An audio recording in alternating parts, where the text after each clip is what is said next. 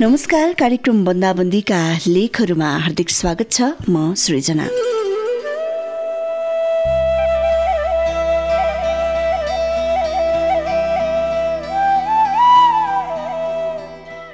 आफ्नै ठाउँ आफ्नै देश अनि आफ्नाहरूको साथ छ। त्यसैले त यो कोभिड उन्नाइस अर्थात् कोरोनाको समय पनि सजिलै कटिरहेको छ। मनमा लागेका सबै कुरा भन्न पाएका छौँ सुनाउन पाएका छौँ अनि सुनिदिन पाएका छौँ। तर विचारमा ती परदेशमा रहेका परदेशीहरूको कल्पना थोरै मडारिँदा पनि कता कता निराशा भेटिन्छ। हामी त सँगै छौँ तर यो अप्ठ्यारो समयमा विदेशी भूमि विदेशी भाषा विदेशी रहनसहन विदेशकै कारण कति असहज भइरहेको होला। एउटा बन्द कोठाभित्र थुनिँदा कति विरक्त लाग्दो। कति यादहरूले सताउँछन् होला आफन्तहरूको अनि कति सम्झिँदा हुन् आफ्नै आँगन र आफ्नै माटोलाई ती परदेशीहरूले यो असहज परिस्थितिमा। आजको कार्यक्रम बन्दाबन्दीका लेखहरूमा परदेशीको लकडाउन शीर्षकमा कालिम्चोक गाउँपालिका तिन हाल भने दुहा कतारबाट शीतल खतिवडाले लेखेर पठाउनु भएको लकडाउन डायरी म प्रस्तुत गर्नेछु। उहाँको लकडाउन डायरी यसरी सुरु हुन्छ।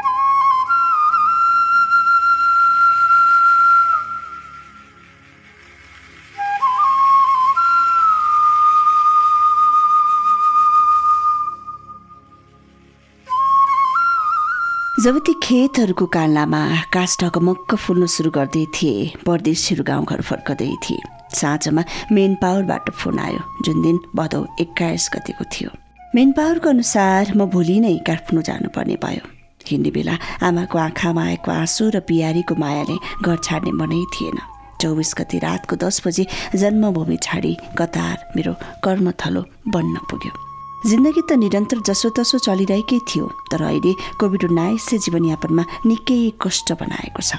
दुई महिनादेखि आजसम्म न त दिनको सूर्य नै देखिन्छ न त रातको तारा नै। न त घर परिवारको खबर सुन्न पाएको छु न त सुनाउन नै। लकडाउनले जिन्दगी नै के बनाइदियो के? हरेक पल हिँड्ने बेला रोकेका ती आँसुको ढिकाको याद आइरहन्छ। पहिला पहिला यस्तो लाग्थ्यो। कहिले बिदाको दिन आउला र कपडाहरू सफा गर्न पाउला। कहिले छुट्टीको दिन आउला र सात दिनसम्म मनमा गुम्सिरहेका भावनाहरूलाई आमाको सामु पोख्न पाउला। मेरो ड्युटी नै त्यस्तै पर्थ्यो नि आमा। बिहान दिउँसो तपाईँ गाउँघरको डाँडा पाखामा दगुर्दै व्यस्त हुनुहुन्थ्यो। जब चराचुरुङ्गीहरू आफ्नो वासस्थान दौडन्थे तब तपाईँले फोन गर्नुहुन्थ्यो। तर हजुरको फोन न त रिसिभ नै हुन्थ्यो न त इन नै तपाईँको यो अभागी छोरो काममै बिजी भइरहन्थ्यो। जब नेपालमा एक बस्थ्यो बिहानीको तब गेटबाट निक्लनु पर्थ्यो। यस्तै यस्तै यथावत समस्याले हाम्रो सुख दुःख एक एक हप्तामा साटासाट हुने गर्थ्यो। दिन धेरै लामो लाग्छ आमा आज पहिलेको त्यो ड्युटी जाने समयमै निदले छोडिसकेको हुन्छ। उठ्छु र सबैभन्दा पहिले मलाई हरेक पाइला पाइलामा साथ दिने मेरो मनमुटुको मान्छे मेरो जीवन सङ्गिनीसँग कुरा गर्छु। उनीसँगको कुराकानीपछि ओछ्यानबाटै उठेर बाहिर निस्कन्छु र बिहानीको त्यो पहिलो सूर्यको किरणसँग मेरो मिलन हुन्छ। र एकछिन बिहानको त्यो घामसँगै मेरो आधा घन्टा समय जान्छ।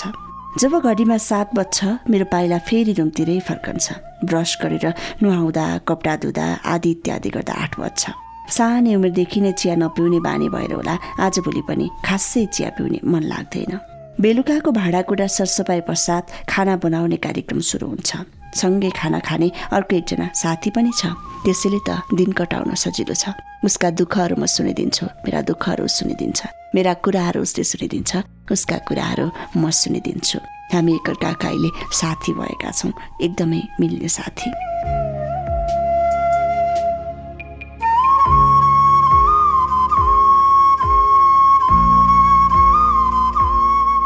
हामी दुईजना साथी मिलेर मिठो मसिनो जस्तो भए पनि मिठो भनेर खान्छौँ। पहिलेदेखि नै मेरो चाहना युट्युबमा नयाँ नयाँ भिडियोहरू हेर्ने थियो। अहिले झन् यो लकडाउनले गर्दा दिन बिताउने माध्यम नै युट्युबका भिडियोहरू बनेका छन्। मेरो अति नै नजिकको साथी भनेको छ यो मोबाइल अनि यो युट्युबका फिल्महरू।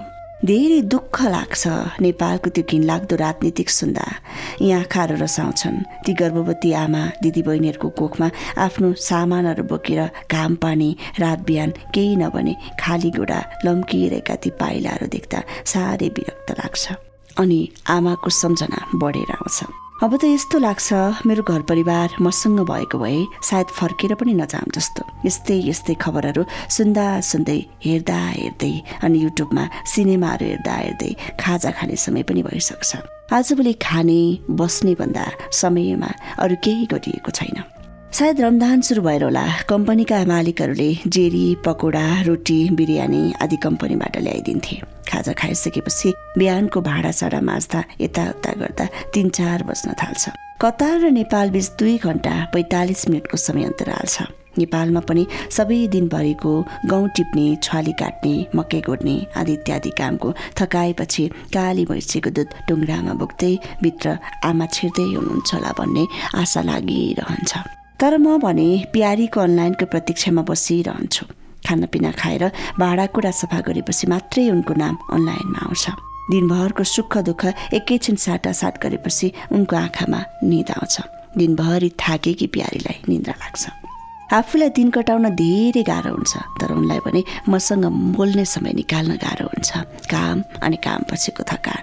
उनीसँग छोटो कुराकानी गर्छु। त्यसपछि अर्को दिन कुरा गर्ने भन्दै फोनबाट हामी बिदा हुन्छौँ। बेलुकाको खाना बनाउने पालो साथीको हुनाले खाना पनि तयार हुन्छ। खाना खाएर नेपालमा रहेका साथीभाइहरूसँग कुरा हुन्छ। साथीभाइहरूले रिचार्ज पाइँदैन पैसा हाल्दैन भन्छन्। तर बुझ्दैनन् मेरो समस्या किनकि दुई महिनादेखि रुमबाट बाहिर निस्कन पाएको छैन। लकडाउनमा बसेको छु। खाना त दाल भात खाएकै छौँ तर थाहा छैन कुन रात अन्तिम रात अनि कुन दिन अन्तिम दिन हुनेछ भनेर। सुख दुःख जे जस्तो भए पनि घर परिवार राम्ररी चलाउनु बुवा। उही तपाईँहरूको अभागी प्रदेशी शीतल।